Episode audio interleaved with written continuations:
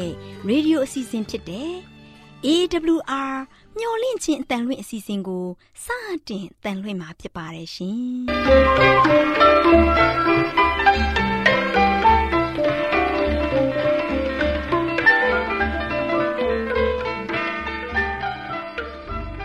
တော်တာရှင်များခင်ဗျာမျော်လင့်ခြင်းအတန်မြန်မာအစီအစဉ်ကိုနက်နက်6နိုင်မိနစ်30မှ9နာရီအထိ16မီတာ kHz 10653ညညပိုင်း9နာရီမှ9နာရီမိနစ်30အထိ16မီတာ kHz 19533ညမှ နေ့စဉ်အတန်လှွင့်ပေးနေပါတယ်ခင်ဗျာ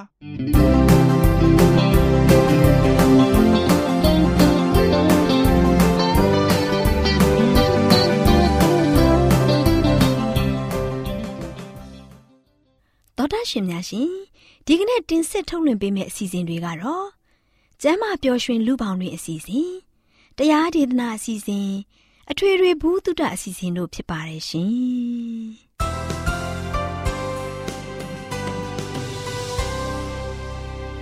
တော်တာရှင်များရှင်အာရော temperament လာပန်ကျမ်းမာခြင်းသည် လူသားတိုင်းအတွက်အဓိကအရေးဖြစ်ပါသည်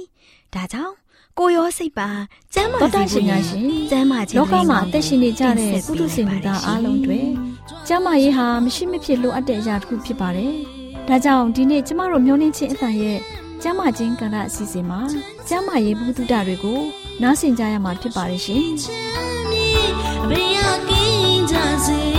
ခုဆက်တန်ချီကြွလာဆွေပေါင်းပေါ်ခညောင်းစေမျောလင့်ခြင်းအတန်ကိုနာတော်တာဆင်နေကြတဲ့တောတာရှင်များရှင်ကျမ်းမာခြင်းနဲ့အသက်ရှည်ခြင်းကိုလူတိုင်းနှစ်သက်ကြမှာပါ ဒါကြောင့်ကျမ်းမာခြင်းနဲ့အသက်ရှည်ခြင်းကိုရရှိနိုင်ဖို့ကျန်းမာရေးနဲ့ညီညွတ်အောင်နေထိုင်ရမယ့်အချက်တစ်ချက်ဖြစ်တဲ့ဗိုက်တာမင်ဓာတ်အကြောင်းဒုတိယပိုင်းကိုဒီနေ့နားတော်တာဆင်ကြပါစို့တောတာရှင်များရှင်ဒီကနေ့ဗိုက်တာမင် B12 အကြောင်းကိုလေ့လာကြည့်မယ်ဆိုရင်ဗိုက်တာမင် B12 ဟာအာယုံကြောတွေလှုပ်ဆောင်မှုဖြစ်စေတဲ့ကလပ်စီဆဲတွေကိုကာကွယ်ပေးတယ် သွေးနီဥတွေတိဆောက်တဲ့အခါမှာကူညီတယ်ဗိုက်တာမင် B12 ဟာအသားငါးနှုတ်နဲ့နှုတ်ထွက်ပစ္စည်းအသေးကြက်ဥတို့မှာပါရှိတယ်အဲ့ဒီဓာတ်ဟာလက်ဆက်တဲ့ဟင်းသီးဟင်းရွက်တွေမှာမပါရှိပေမဲ့လည်းဟင်းသီးဟင်းရွက်တွေကိုခြင်ပတ်စိန်တဲ့အခါဗီတာမင် B12 ထွက်လာတယ်။ဗီတာမင် B12 ချို့တက်မှုယောဂလက္ခဏာနဲ့တွေ့ရှိချက်တွေကတော့ဗီတာမင် B12 ချို့တက်တဲ့အခါသွေးအားနည်းတာတွေ ကြောယိုနှပ်ကြောမှအာယုံကြောတွေရောင်ရမ်းခြင်းနဲ့ပျက်စီးခြင်းခြေလက်ထုံကျင်ခြင်းစိတ်ကစင့်ကလျာဖြစ်ခြင်းတို့ဖြစ်တယ်။အသက်66နှစ်ကျော်တဲ့သူတွေဟာ25ရာခိုင်နှုန်းလောက်ဟာအဲ့ဒီဓာတ်ကိုလုံလုံလောက်လောက်မရရှိကြဘူး။သက်သက်လှုပ်ကိုကြာရှည်စွာစားသုံးမယ်ဆိုရင်ဗီတာမင် B12 ချွတ်တဲ့နိုင်ကြောင်းတွေ့ရှိရတယ်။နောက်တစ်မျိုးကနာယာစင်ဖြစ်တယ်။ဗီတာမင်အုပ်စုဝင်ဖြစ်တဲ့နာယာစင်ဟာသွေးထဲမှာရှိတဲ့အဆီဓာတ်တစ်မျိုးကို လျော့ကျစေနိုင်တယ်။အဲ့ဒီအဆီဓာတ်များနေလို့ရှိရင်နှလုံးသွေးကြောပိတ်ယောဂါဖြစ်နိုင်တယ်။နာယာစင်ဓာတ်ကိုအသားငါးနှုတ်ပဲတို့မှရရှိတယ်ပြောင်းဘူးကိုအဓိကအစားအစာဖြစ်စားသုံးတဲ့နိုင်ငံတွေမှာနာယစင်ဓာတ်ချွတ်တဲ့တာကိုတွေ့ရှိရတယ်။အဲ့ဒီဓာတ်ချွတ်တဲ့လို့ရှိရင်အရေပြားရောင်ရမ်းတာတွေဝမ်းပြက်ဝမ်းလျှောခြင်းစိတ်ဓာတ်ကျခြင်းနဲ့တငယ်ပြန်ခြင်းတို့ဖြစ်တတ်ပါတယ်။နောက်တစ်မျိုးက folic acid ဖြစ်တယ်။ folic acid ဟာလူခန္ဓာကိုယ်အတွင်းရှိသွေးနီဥတွေတိဆောက်တဲ့အခါမှာကူညီပါတယ်။အဲ့ဒီဓာတ်ဟာအစိမ်းရင်ရောင်ရှိတဲ့ဟင်းသီးဟင်းရွက်တွေနဲ့အသေးတို့မှာတွေ့ရှိရတယ်ကိုဝန်ဆောင်မိခင်တွေဟာ folic acid ချွတ်တက်လို့ရှိရင်မွေးလာမဲ့ကလေးတွေဟာမွေးရပါနှုတ်ခမ်းကွဲခြင်းအာကောင်ကွဲခြင်းကြောရိုးနှပ်ကြောတလျှောက်အာယုံကြောချွတ်ယွင်းခြင်းတွေဖြစ်တတ်ပါတယ်။ folic acid ဟာဗရိတ်တရေတားဆေးကို တာရှည်တောက်သုံးတဲ့သူတွေအရက်ဆွဲနေတဲ့လူတွေအသက်ကြီးတဲ့သူတွေမှာချွတ်တက်တတ်ပါတယ်။အဲ့ဒီအခါမှာသွေးရတဲ့ယောဂဖြစ်တာတွေစိတ်ဓာတ်ကျခြင်းနဲ့စိတ်ဖောက်ပြန်ခြင်းစတဲ့ယောဂတွေလည်းဖြစ်ဖို့အခွင့်အလမ်းပိုများကြောင်းကိုသူရေတီတွေကတွေ့ရှိရပါတယ်။ folic acid ဖြစ်ဆွဲထားတဲ့အစာတွေကိုစားသုံးခြင်းဖြင့်ဥမကြီးကင်ဆာနှင့်အယ်ဇိုင်းမာရောဂါတို့ကိုကာကွယ်ဖို့ကူညီပေးတယ်။တောတန့်ရှင်များရှင်ဗီတာမင် C အကြောင်းကိုလေ့လာကြည့်မယ်ဆိုရင် ဗီတာမင် C ဟာခန္ဓာကိုယ်အတွက်အရေးပါတဲ့ကဏ္ဍမှာပါဝင်တယ်။အဲ့ဒီဓာတ်ဟာသွေးဖြူဥဆဲတွေဖြစ်ပေါ်ခြင်းအနာကျက်မြန်စေခြင်းကောလိဂျင်ခေါ်တဲ့ပရိုတင်းထုတ်လုပ်တဲ့အခါမှာပါဝင်ခြင်းသွေးကြောနာယံတွေမှာအရေပြားတတ်မှခြင်းသွားနဲ့တဖုံကျမ်းမာခြင်းစိတ်ဖိစီးမှုတံကိုခံနိုင်ခြင်းတန်တက်ကိုစုပ်ယူနိုင်မှုပိုဖြစ်စေခြင်းယောဂကာကွယ်ခြင်းစတဲ့လုပ်ငန်းတွေမှာစွမ်းဆောင်နိုင်ကြောင်းတွေ့ရှိရပါတယ်။ ဗီတာမင်စီကျွဲဝတဲ့အစားအစာတွေကတော့တံပြာသီး၊ရှောက်သီး၊လိမ္မော်သီး၊ကျွဲကောသီး၊ခရမ်းကျင်သီး၊မလကာသီး၊ဇီးသီး၊ဇီးဖြူသီး၊စပစ်သီး၊စတော်ဘယ်ရီသီး၊တစ်တော်သီး၊ကစွန်းရွက်၊မကြီးရွက်၊ဒန်းတလွန်သီး၊ဒန်းတလွန်ရွက်၊ဂေါ်ဘီတုပ်၊ပန်းဂေါ်ဘီ၊ကင်ပွန်းရွက်၊ပဲပင်ပေါက်မုံလာဥနီမုံလာဥဖြူကြက်သွန်နီမုံညင်းအာလူပဲအမျိုးမျိုး နှုတ်နဲ့အသေးတို့မှာပါဝင်ပါတယ်။ဗီတာမင်စီချို့တက်မှုယောဂလက္ခဏာနဲ့တွေ့ရှိချက်တွေကတော့စကာဗီလို့ခေါ်တဲ့တဖုံသွေးယိုခြင်းဖြစ်လာပြီးကြားလို့ရှိရင်သွားတွေနဲ့လာပြီးကျွတ်ထွက်နိုင်တယ်။အရေပြားမှာသွေးကြည်ဥသလိုအနီဆက်ကလေးတွေထွက်လာတာတွေအရေပြားထူလာတာတွေဖြစ်တတ်တယ်။သွေးကြောနာယံတွေအာမကောင်းတော့ပဲကိုရင်းအင်္ဂါတွေမှာသွေးယိုစီးခြင်းတွေလည်းဖြစ်တတ်တယ်။သွေးအားနည်းခြင်းအအေးမီလွယ်ခြင်း အနာကျက်နှေးခြင်းအယိုးကျိုးလွယ်ခြင်းသွားတွေပိုးစားလွယ်ခြင်းလည်းဖြစ်တတ်တယ်။တက်သီးတွေမှာဟင်းသီးဟိရွက်တွေကိုစားသုံးတဲ့အခါမှာချက်ပြုတ်ပြုတ်ပြင်းနီးစနစ်မှန်ကန်ဖို့လည်းအရေးကြီးတယ်။ဗီတာမင်စီဟာအပူနဲ့တွေ့လို့ရှိရင်ပဲဖြစ်ဖြစ်ခြောက်သွေးလို့ရှိရင်ပဲဖြစ်ဖြစ်တိုးလောင်ခြင်းကြာမြင့်လို့ရှိရင်ပဲဖြစ်ဖြစ်အက်ဆစ်ဓာတ်ပြဲလွယ်လို့ရှိရင်ပဲဖြစ်ဖြစ်ရေမှာကြာကြာစိန်ထားရင်ပဲဖြစ်ဖြစ်အချိန်ကြာမြင့်စွာချက်လို့ရှိရင်ပဲဖြစ်ဖြစ် ပါဝင်သမျှဗီတာမင်စီတွေပြည့်စည်နိုင်တဲ့အတွက်အထူးဂရုစိုက်သင့်ပါတယ်။ဗီတာမင်စီကိုပုံမှန်ထည့်ပို့ပြီးစားသုံးလို့ရှိရင်သားမြကင်ဆာဖြစ်ပွားမှုကာကွယ်ကြောင်းသိပ္ပံပညာရှင်တွေကအကြံပြုပြောဆိုပါတယ်။နောက်တစ်မျိုးကဗီတာမင် D ဖြစ်တယ်။ဗီတာမင် D ဓာတ်ဟာအယိုးနဲ့သွားတွေတိဆောက်မှုအုံနောက်နဲ့အာယုံကြောတွေရဲ့ကျန်းမာတန်ဆွမ်းမှုဟိုမုန်းဓာတ်တချို့ရဲ့လဲပတ်မှုခန္ဓာကိုယ်မှာရှိတဲ့ဆဲတွေဖြစ်ပေါ်မှုနဲ့ပုံမှန်ကြီးထွားမှုတို့အတွက်အရေးကြီးတဲ့ကယ်လ်ဆီယမ်နဲ့ ဖော့စဖရက်တွေကိုစုပ်ယူတဲ့အခါမှာအရေးကြီးတယ်။ဗီတာမင် D နှမျိုးရှိတယ်။အဲဒါတွေကတော့လူရဲ့အရေးပြားနဲ့နေရောင်ခြည်တို့ဓာတ်ပြုမှုဖြစ်ပြီးဖြစ်လာတဲ့သဘာဝဗီတာမင် D နဲ့အစားအသောက်မှရရှိတဲ့ဗီတာမင် D တို့ဖြစ်တယ်။ဗီတာမင် D ကိုနွားနို့နဲ့နှုတ်ထွက်ပစ္စည်းအမျိုးမျိုးငကြင်းစီပင်လယ်ငါးမှရတဲ့စီအသည်းနဲ့ဥတွေပါအမြောက်အများရရှိတယ်။ဗီတာမင် D ဟာသွေးအထဲမှာရှိတဲ့ကယ်လ်ဆီယမ်ဓာတ်ကိုထိမ့်သိမ့်တဲ့အခါမှာအရေးကြီးသလို အစာမကယ်လ်ဆီယမ်ဓာတ်စုပ်ယူမှုကိုအားပေးတယ်။အဲ့ဒီအတွက်ကယ်လ်ဆီယမ်ဓာတ်ကိုခန္ဓာကိုယ်မှာထိမ့်သိမ်းထားပြီးပိုနေတဲ့ကယ်လ်ဆီယမ်ကိုအယိုးမှာတူလောင်ထားတယ်။ဒါကြောင့်ဗီတာမင် D ဟာခန္ဓာကိုယ်ကြီးထွားဖွံ့ဖြိုးဖို့အယိုးနဲ့သွားတွေခိုင်မာစေဖို့အထောက်အကူပြုပါတယ်။ဗီတာမင် D ချို့တက်မှုကြောင့်ကလေးငယ်တွေမှာအယိုးတွေမှာကယ်လ်ဆီယမ်ဓာတ်လျော့နေပြီးအယိုးပြော့ယောဂါနဲ့လူငယ်တွေမှာအယိုးပါယောဂါတို့ဖြစ်တတ်တယ်။လူကြီးများမှာတော့အယိုးပွားယောဂါ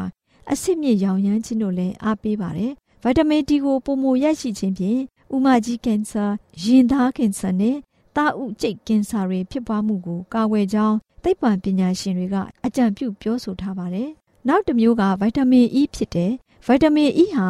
နှလုံးရောဂါနဲ့ကင်ဆာရောဂါဖြစ်ပွားမှုကိုကာကွယ်ပေးတယ်။အထူးသဖြင့်ခန္ဓာကိုယ်ရဲ့အဆီဓာတ်တွေကလပ်စီဆဲနံရံတွေ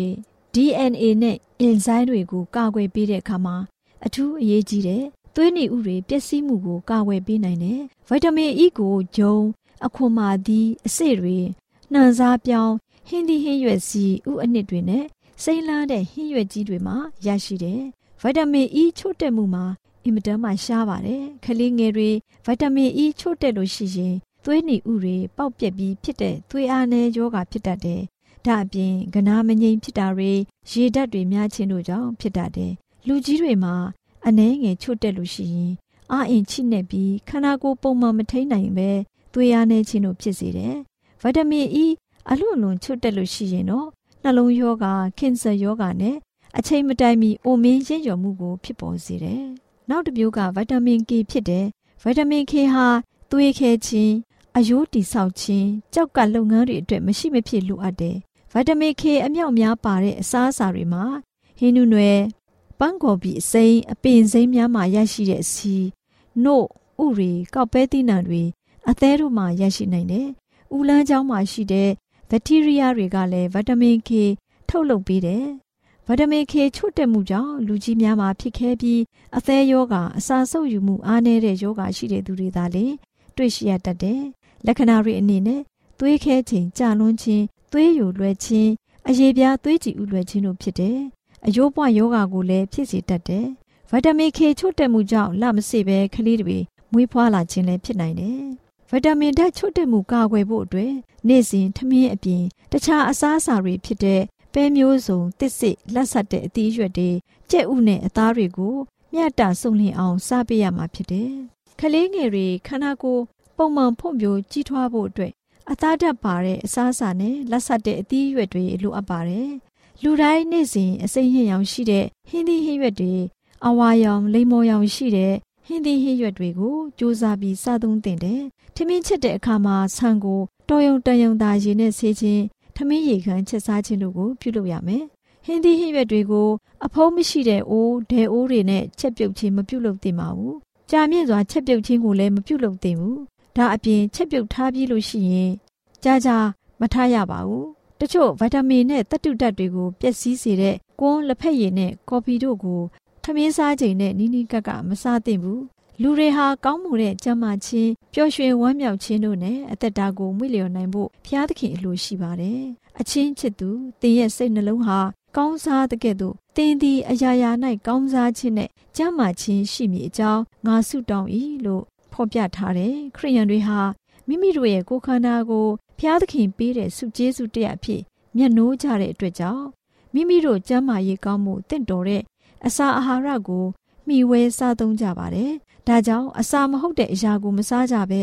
အာဟာရရှိတဲ့အစာတွေကိုသာလျှင်ရွေးချယ်စားသုံးကြဖို့မေတ္တာဖြင့်တိုက်တွန်းလိုက်ပါတယ်ရှင်။သောတာရှင်များရှင်ကျမ်းမာခြင်းနဲ့အသက်ရှိခြင်းသင်ခန်းစာကိုလေ့လာပြီးဖြည့်ဆို့ခြင်းနဲ့သောတာရှင်များရှိမယ်ဆိုရင် အခကျင်းငွေပေးစရာမလိုပဲမျောလင့်ခြင်းအတန်နဲ့ဗျာဒိတ်တော်အတန်စာရိုက်တစ်တာအမှ681ဘိုးစာရိုက်ကြီးရန်ကုန်မြို့သို့မိမိရဲ့လက်စာအတိအကျနဲ့ပြန်လည်အကြောင်းကြားမယ်ဆိုရင်ဓမ္မဒါနအနေနဲ့သင်ခန်းစာတွေကိုပေးပို့ပေးမှာဖြစ်ပါတယ်ရှင်သောတာရှင်ပေါင်းရှင်လန်းချမ်းမြေ့ကြပါစေရှင်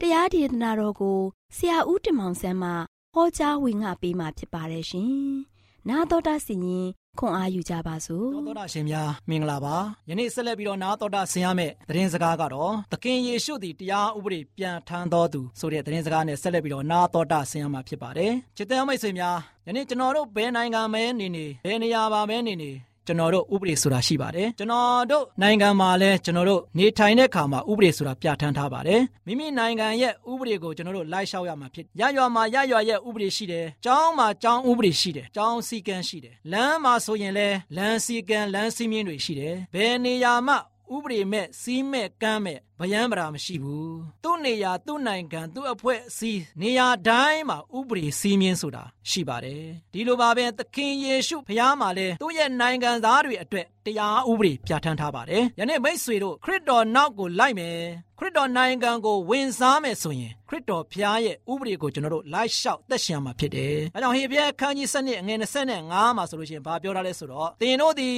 မိန်တော်မူသောသူ၏စကားတော်ကိုမငင်းပယ်မည်အကြောင်းသတိပြုကြလော့မြေကြီးပေါ်မှာဗျာဒိတ်တော်ကိုဆင့်ဆိုသော သူ၏စကားကိုညင်းပယ်သောသူသည်အပြစ်မလွတ်ရသည်မှန်လျင်ထိုမြမကကောင်းကင်ဘုံကမိန်တော်မူသောသူ၏စကားကိုငါတို့သည်နားမထောင်ဘဲနေလျင်တာ၍ကြီးစွာသောအပြစ်နှင့်အဘယ်သို့ကင်းလွတ်နိုင်မည်နည်းချစ်တော်မိတ်ဆွေတို့ယနေ့ကျွန်တော်တို့နိုင်ငံမှာဥပဒေစည်းမျဉ်းတွေချမှတ်ထားတယ်ဥပဒေစည်းမျဉ်းကိုကျွန်တော်တို့ချိုးဖောက်တဲ့အခါမှာဆိုရှင်နိုင်ငံတော်ကသူ့ရဲ့ပုံမှန်အလိုက်တရားဥပဒေအရရေးယူပြီးတော့ကျွန်တော်တို့ကိုပြစ်စီရင်တယ်တဲ့အဲဒီလိုစီရင်ခြင်းခံရတယ်လို့ပဲတဲ့ထိုမြမကကောင်းကင်ဘုံကမိန်တော်မူတဲ့သူရဲ့စကားကိုကျွန်တော်တို့ကနားမထောင်ဘူးဆိုရင်တာ၍ကြီးသောအပြစ်ကိုကျွန်တော်တို့ခံဖို့ရန်အတွက်ဖြစ်ပါတယ်နေ့ခရစ်တော်ကိုယုံကြည်တယ်ပြောပြီးတော့ဘုရားသခင်ရဲ့ဥပဒေကိုလိုက်လျှောက်ဖို့ညှင်းဆန်နေအောင်မလားဘုရားသခင်ကိုတော်တိုင်လက်တော်နှင့်ရေးသားထားသောကျမ်းစာသည်ပညာတော်ဆယ်ပါးသာလင်ဖြစ်တယ်အရေးမပါတော့ဘူးလို့ပြောအောင်မလားဖယားသခင်ကိုတော်တိုင်မိမိရဲ့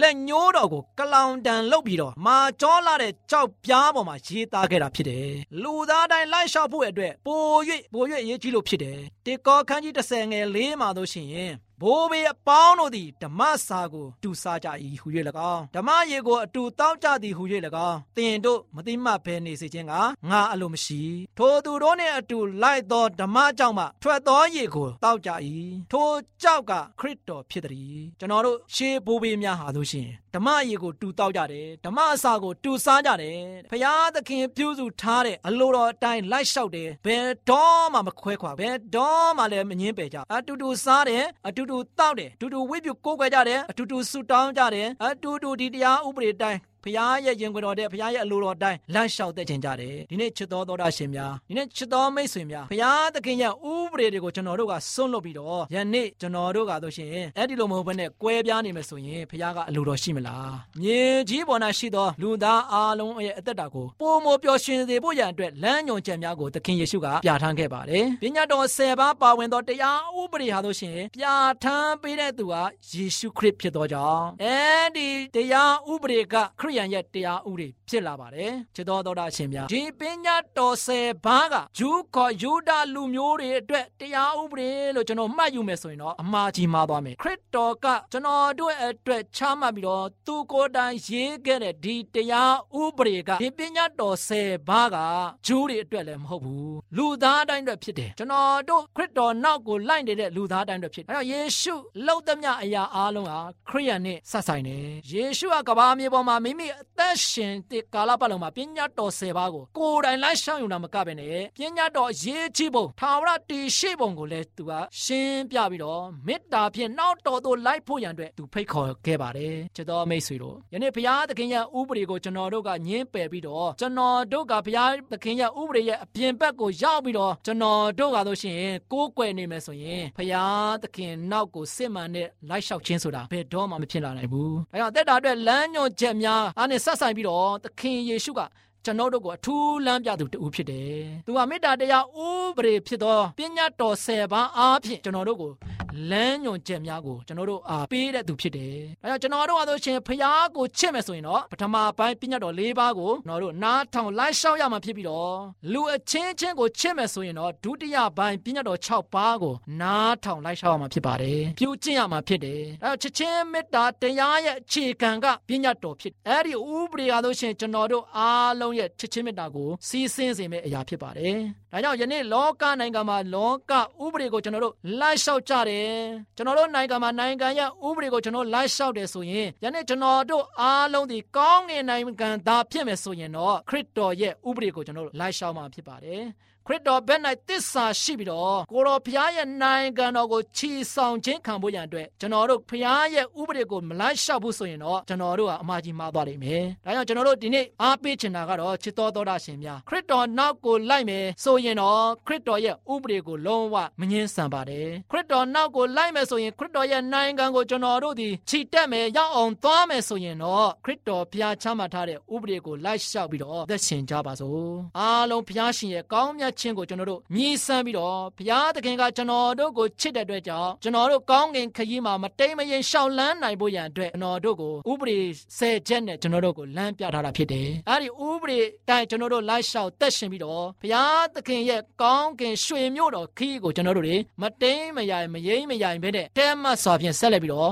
ရှောင်လန်းကြပါစို့။အားလုံးပေါ်ဘုရားကောင်းကြီးချပေးပါစေ။မြတ်တော်ရှင်ဖဖျားကိုတော်ဒီသားမီးတို့ကိုသိချစ်တဲ့ဘုရားဖြစ်ပါ၏။ကိုရရဲ့ချစ်ချင်းမေတ္တာကိုသားမီးတို့ဒီမြောင်များစွာခံစားရပါ၏ကိုတော်ဒီသားမီးတို့ကိုချစ်တဲ့အတွက်ကြောင့်ကောင်းကင်နိုင်ငံတော်ခီးကိုရှောက်လန်းတဲ့ခါမှာတဲမစွာဖြင့်ရှောက်လန်းနိုင်ဖို့ရန်အတွက်ဘဝတတမှာတက်တက်မမတီတီကြီးကြီးဖြင့်သက်ရှင်နိုင်ဖို့ရန်အတွက်ဖြောင်းမချင်းတရားကိုအမြဲတမ်းလုံးကျုံစွာ လက်ဝဲမှာပိုက်ထားနိုင်ဖို့ရန်အတွက်ကိုရောဒီသားမျိုးတို့ဥပဒေပြဋ္ဌာန်းခဲ့ပါ၏ဒီဥပဒေတိုင်းသားမျိုးတို့ဒီလိုက်လျှောက်သက်ရှင်၍ကိုရောရှင်ပြရဲ့တရားဥပဒေတိုင်းရှောက်လန်းခြင်းအပြင်သားမျိုးတို့ဒီကောင်းကင်ရွှေမျိုးတော်ထိရောက်တတိတိုင်အောင်တစ္ဆာရှိစွာကိုရောရှင်နှင့်တူလက်တွဲရသောခွင့်ကိုပေးတော်မူကြောင်းတပိုင်တော်သားတော်သခင်ခရစ်တော်ရဲ့နာမတော်ကိုမြည်ပြည့်စတောင်းပါတယ်ဖပါဗျာအာမင်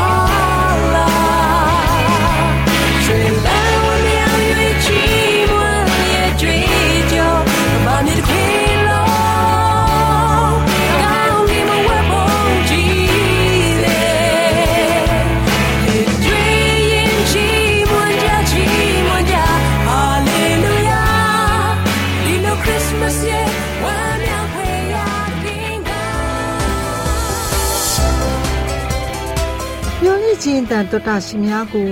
မင်္ဂလာနေ့ရဲ့အချိန်ကားလေးဖြစ်ပါစေလို့နှုတ်ခွန်းဆက်သလိုက်ရပါတယ်။တော်တာရှင်များရှင်စကားပရိသမင်္ဂလာစီစဉ်မှာလူအတိုင်ဝန်းဤစိတ်အားတက်တန်သူများအဖြစ်လေ့ကျင့်ပေးခြင်းဆိုတဲ့အကြောင်းကို တင်ပြပြီးသွားမှာဖြစ်ပါတယ်။လေးစားရတဲ့မိသားစုဝင်များနဲ့အုပ်ထိန်သူများတို့ကျမတို့အိမ်တော်တွေမှာသားသမီးလေးတွေကိုချီးမွမ်းမှုရှိသလိုမှားယွင်းတဲ့မြောက်ပင်မှုတွေလည်းရှိကောင်းရှိနိုင်ပါတယ်။ ကျမတို့လူသားတွေဟာလောကမှာကိုယ်အရေးအသွေးပေါ်မူတည်ပြီးရပ်တည်ကြရပါတယ်။မိသားစုတစ်စုလုံးကအလိုလိုက်အကြိုက်ဆောင်ပြီးဖူးဖူးမှုန်ထားတာကိုခံရတဲ့ကလေးတွေဟာသူတစ်ပါးအတွက်ဦးစားပေးလှုပ်ဆောင်ရမယ့်တာဝန်တွေကိုမလှုပ်ဆောင်နိုင်ကြပါဘူး။ဒါကြောင့်မို့လဲဒီလိုအခြေအနေမျိုးကိုရှောင်ရှားနိုင်ဖို့ငယ်ရွယ်စဉ်တည်းကတင့်လျော်တဲ့သွန်သင်မှုတွေကိုပေးထားသင်ပါတယ်။စီကရှိမှုနဲ့မနေခဲ့ရတဲ့ကလေးအများစုက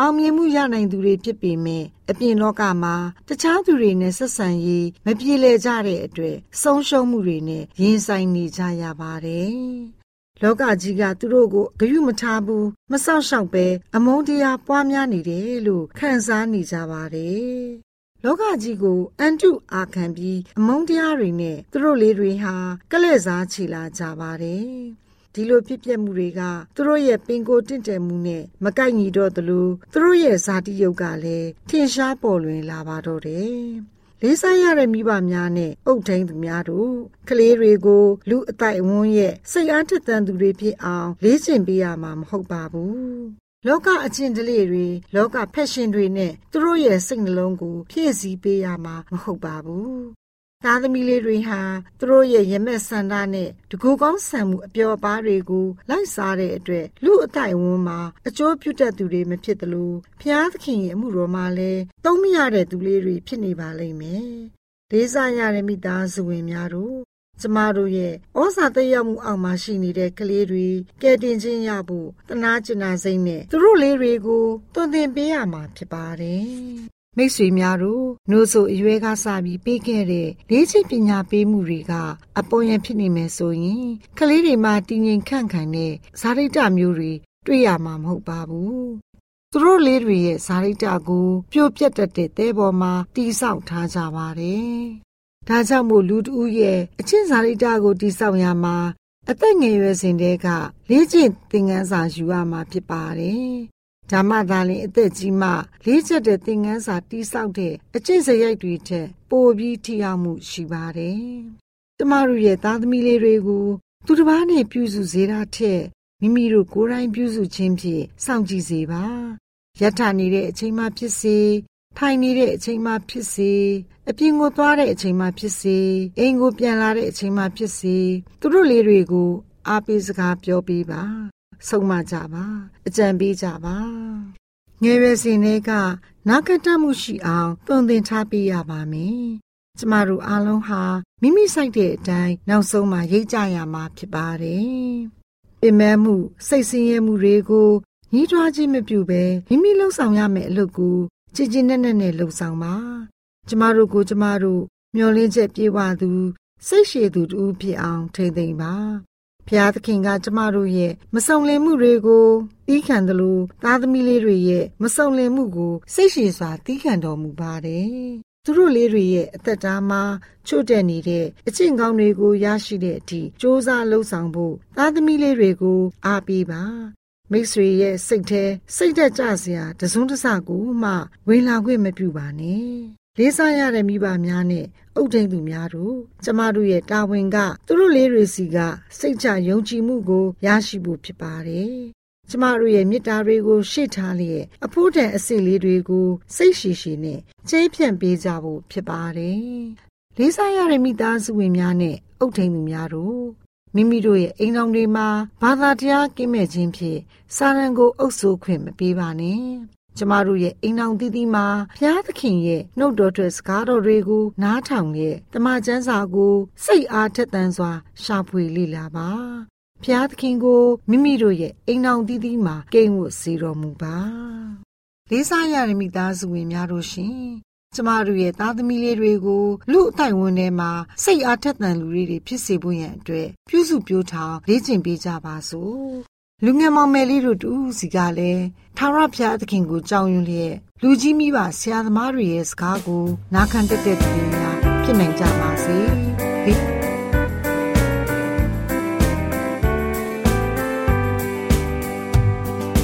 ဝိနည်းများစွာလင်းလေးရဝဲလေးလှိုင်းနံကဗုဒ္ဓရှင်များရှင်ကျမတို့ရဲ့ဗျာဒိတ်တော်စာပေးစာယူသင်တန်းဌာနမှာအောက်ပါသင်တန်းများကို ပို့ချပေးလျက်ရှိပါတယ်ရှင်သင်တန်းများမှာစိတ်ဓာတ်ဒုက္ခရှာဖွေခြင်းခရစ်တော်၏အသက်တာနှင့်သွန်သင်ချက်များတဘာဝတရားဤဆရာဝန်ရှိပါကျမ်းမာခြင်းနှင့်အသက်ရှိခြင်းသင်နှင့်သင်ကျမ်းမာရေးရှာဖွေတွေ့ရှိခြင်းလမ်းညွန်သင်ခန်းစာများဖြစ်ပါရဲ့ရှင်သင်တန်းအလုံးဟာအခမဲ့သင်တန်းတွေဖြစ်ပါတယ်ဖြစ်ဆိုပြီးတဲ့သူတိုင်းကို ဂုံပြုလွှာချီးမြှင့်ပေးမှာဖြစ်ပါရဲ့ရှင်တော်တာရှင်များခင်ဗျာဓာတိတော်အတန်းစာပေးစာယူဌာနကိုဆက်သွယ်ခြင်းနဲ့ဆိုရင်တော့ဆက်သွယ်ရမယ့်ဖုန်းနံပါတ်ကတော့39 656 296 336နဲ့39 98 316 694ကိုဆက်သွယ်နိုင်ပါတယ်ဓာတိတော်အတန်းစာပေးစာယူဌာနကိုအီးမေးလ်နဲ့ဆက်သွယ်ခြင်းနဲ့ဆိုရင်တော့ l a l r a w n g b a w l a @gmail.com ကိုဆက်သွင်းနိုင်ပါတယ်။ဗျာဒိတ်တော်အတန်းစာပေးစာဥထာဏာကို Facebook နဲ့ဆက်သွယ်ခြင်းနဲ့ဆိုရင်တော့ SOESANDAR Facebook အကောင့်မှာဆက်သွင်းနိုင်ပါတယ်။တော်တာရှင်များရှင်မျောလင့်ချင်းတန်ရေဒီယိုအစီအစဉ်မှာတင်ဆက်ပေးနေတဲ့အကြောင်းအရာတွေကိုပိုမိုသိရှိလိုပါကဆက်သွယ်ရမယ့်ဖုန်းနံပါတ်များကတော့39 663 686 826 ဖြစ်ပါတယ်ရှင်။နောက်ထပ်ဖုန်းတစ်လုံးနေနဲ့39 06 088 0669တို့ဆက်သွယ်မြင်းမြန်းနိုင်ပါတယ်ရှင်။သောတာရှင်များရှင် KSTA အာကခွန်ကျွန်းမှာ AWR မျိုးလင့်ချင်းအတံမြန်မာအစီအစဉ်များကိုအတံလွှင့်ခဲ့ခြင်းဖြစ်ပါတယ်ရှင် AWR မျော်လင့်ခြင်းအတန်ကိုနာတော်တာဆင် gay ကြတော့တောတာရှင်အရောက်တိုင်းပေါ်မှာဖျားသခင်ရဲ့ကြွယ်ဝစွာသောကောင်းကြီးမင်္ဂလာတက်ရောက်ပါစေကိုယ်စိတ်နှဖျားစမ်းမွှေလန်းကြပါစေ ကျေးဇူးတင်ပါတယ်ခင်ဗျာ